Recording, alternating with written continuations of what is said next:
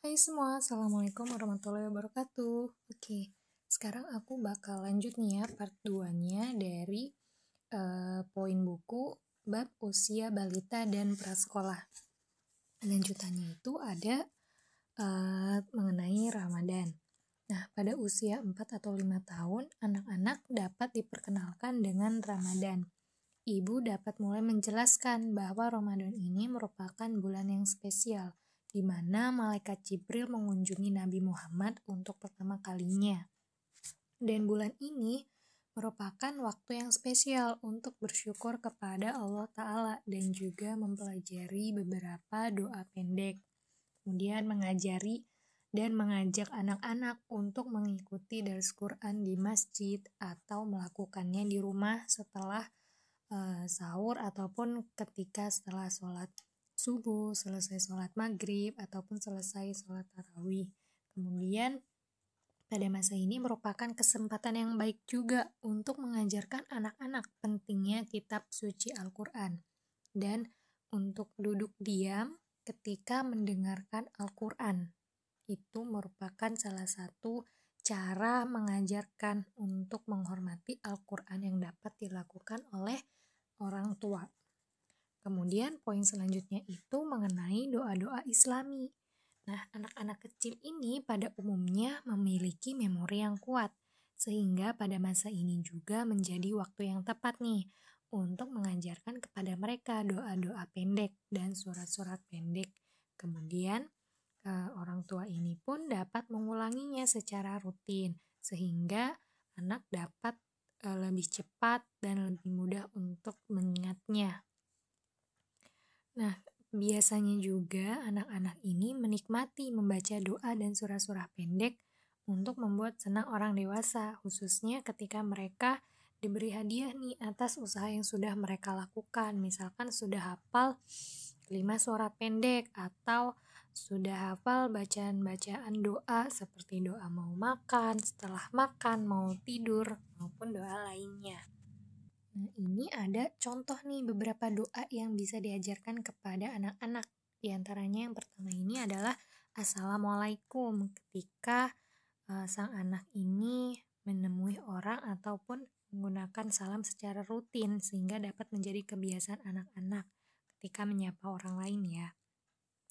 Kemudian uh, dipastikan juga nih responnya ketika anak-anak mendengar Assalamualaikum, maka respon atau jawaban yang harus uh, dijawab oleh sang anak ini adalah Waalaikumsalam. Oke, contoh doa selanjutnya ada Bismillahirrohmanirrohim. Ajarkan anak untuk membaca ini sebelum memulai aktivitas apa pun.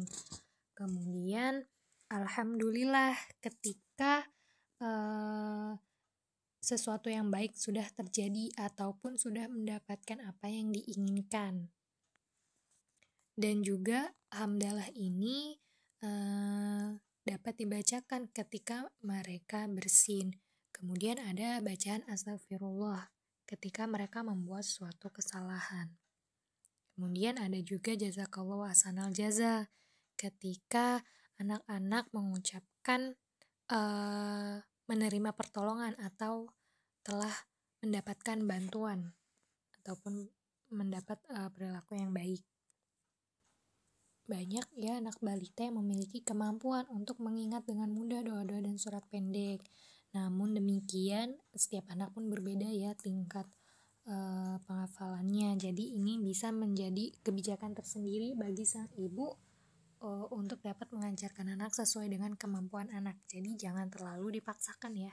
Oke, poin selanjutnya mengajak anak e, mengikuti kegiatan jemaat maupun kegiatan di masjid seperti pengajian, acara maulid nabi ya, ataupun pada saat sholat id, ya kan sholat hari raya. Nah, seorang ibu harus memperhatikan agar sang anak ini tidak mengganggu ibadah orang lain maupun jalannya acara. Sang ibu juga dapat melatih anak untuk dapat duduk tenang dan berperilaku baik di ruang publik maupun eh, di rumah. Nah, ingatkan juga ya, ingat juga bahwa sang ibu inilah yang harus bertanggung jawab atas anak mereka. Jadi ibu yang membuat aturan, bukan anak yang membuat aturan. Di sini ada beberapa lat, uh, contoh latihan yang dapat dilakukan di rumah untuk melatih sang anak duduk tenang. Nah, duduklah dengan anak di pangkuan Anda. Ketika sang anak mulai bergeliat dan ingin turun, tahan uh, sang anak dengan lembut dan tetaplah memegang tangannya dan berbicara dengan lembut. Kemudian setelah beberapa menit, biarkan sang anak turun. Lakukan ini secara rutin. Nah, da dalam waktu yang semakin lama, tingkatkan juga nih lama waktu sebelum Anda ataupun sang ibu mengizinkan anaknya untuk turun. Kemudian pujilah sang anak karena telah mendengarkan Anda sebagai ibunya. Kemudian poin selanjutnya adalah hal yang menjadi lebih sulit adalah mengontrol anak. Ketika anak lain tidak menunjukkan perilaku baik, namun jangan menyerah. Ajaklah ibu lain untuk bersama-sama melakukan upaya disiplin. Jadi, eh, antara ibu dan ibu lainnya pun dapat bekerja sama untuk memberikan atau mencontoh perilaku yang baik kepada sang anak. Nah, jika sang anak mulai berteriak atau menangis, bawalah ia keluar, tenangkan dulu. Kemudian, jika sudah tenang, kembali lagi ke dalam pertemuan. Jika Anda mengizinkan anak untuk tetap bermain di luar, ia akan mengulang perilaku tersebut lagi. Jadi sebaiknya ditenangkan dulu anaknya di luar ruangan, kemudian setelah tenang, baru aja kembali anak masuk ke dalam ruangan. Kemudian Poin selanjutnya ada peganglah bayi atau balita selama sholat. Jika dibutuhkan, tinggalkan area sholat dengan anak Anda dan tawarkan sholat setelahnya. Kemudian, ketika seorang anak berusia 2 atau 3 tahun, ajarkan dia apa itu masjid dan mengapa berperilaku tenang itu menjadi sangat penting. Dan pastikan juga Anda menjadi contoh yang baik untuk anak-anak. Kemudian, jaga agar anak Anda berada di samping Anda sepanjang waktu. Ini adalah kewajiban sang ibu untuk mengawasi anak. Nah, di sini ada poin tarbiyat dalam kehidupan sehari-hari, yaitu yang pertama ada mengelola atmosfer yang stabil di rumah. Mulai dari usia 2 hingga 5 tahun, anak-anak mengalami perkembangan luar biasa dalam pertumbuhannya.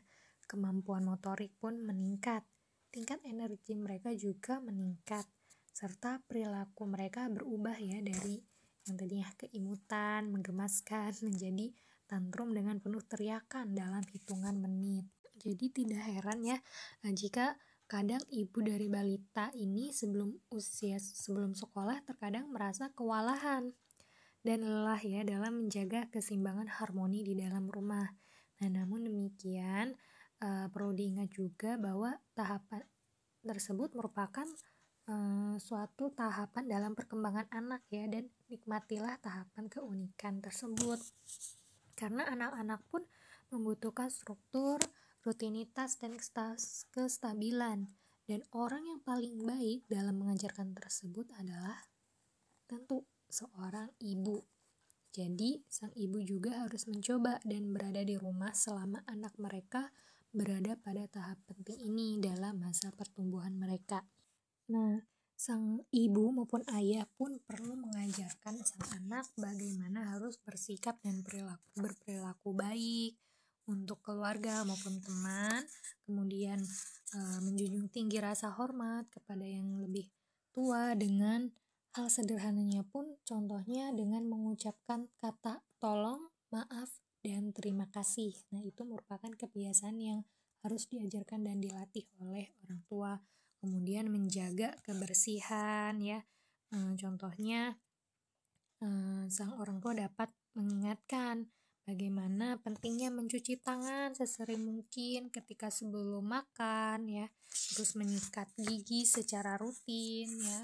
Kemudian e, ber perilaku yang sopan kepada semua orang, baik kepada keluarga maupun bukan keluarga.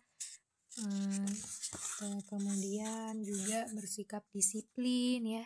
Kadang anak-anak pun dapat menguji kesabaran seorang ibu karena uh, posisinya anak-anak masih sangat kecil.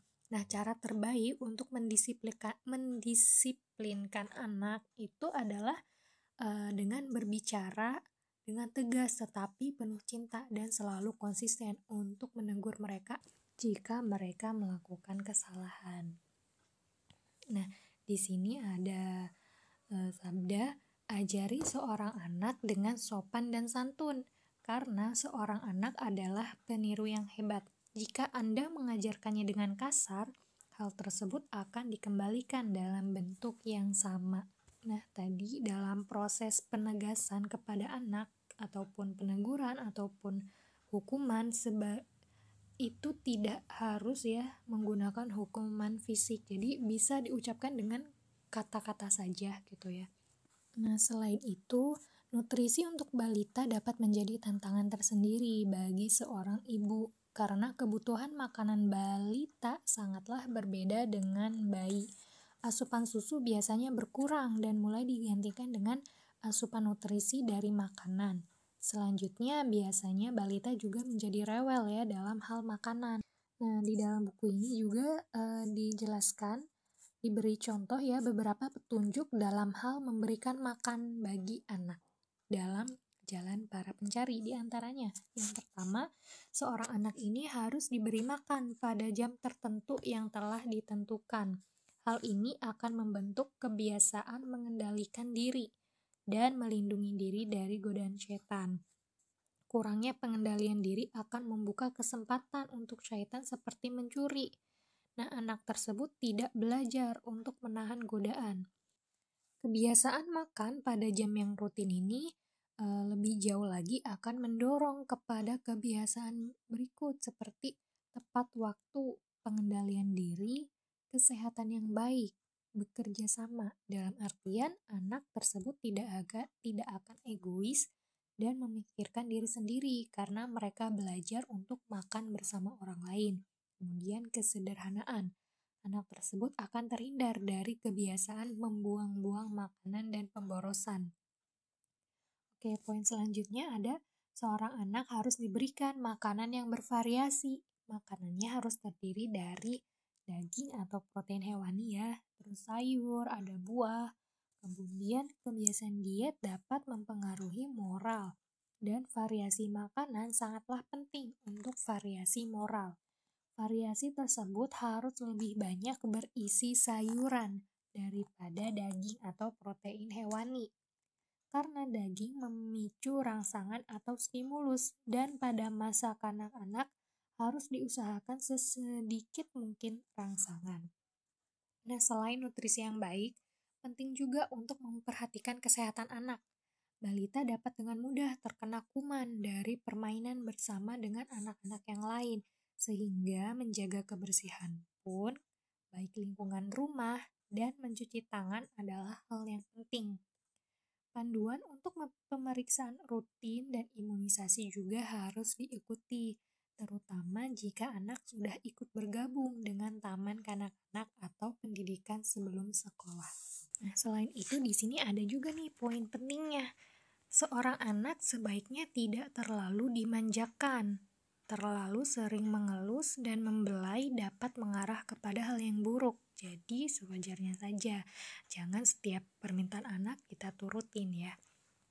Kemudian, seorang anak juga harus diberikan tanggung jawab atas tugas tertentu sesuai dengan usia mereka. Hal tersebut akan membentuk rasa tanggung jawab dalam dirinya sendiri, terutama tadi adalah membuang sampah pada tempatnya. Oke okay guys, jadi mungkin segitu aja poin-poin dari uh, surga di bawah telapak kakimu bab usia balita dan prasekolah. Semoga bermanfaat ya. Hmm, nah, sampai ketemu lagi di poin buku untuk subbab selanjutnya. Terima kasih sudah mendengarkan. Assalamualaikum warahmatullahi wabarakatuh.